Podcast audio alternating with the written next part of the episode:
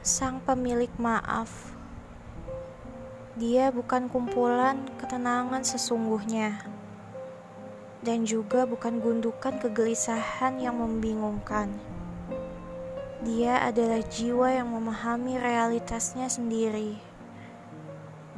Dia adalah kekuatan yang menghapus segala kesakitan, mengolah kelelahan tertinggi kenangan tentang masa yang bergejolak menaklukkan kebosanan yang selalu mengganggu sakralnya sebuah perjalanan. Dari sebuah persinggahan sementara, kenaungan sebuah tempat cerita abadi.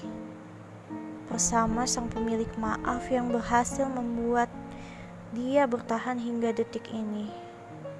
Ingatannya putih sehalus duka tanpa dosa. Tapi Sebagian raganya sedang rapuh tersimpuh. Hati memaksanya untuk memaknai kembali hikmah yang pernah datang di kehidupannya. Walau pikirnya tak berhenti bergaung keras, sejak senja mulai menggoda dirinya. Dia tetap tak bergeming dalam rasanya yang berserakan dan rela untuk tinggal berdampingan di tengah tuntunan takdir yang terukir indah di sanubarinya oleh sang pemilik maaf yang selalu mampu menerima kekurangannya secara manusiawi.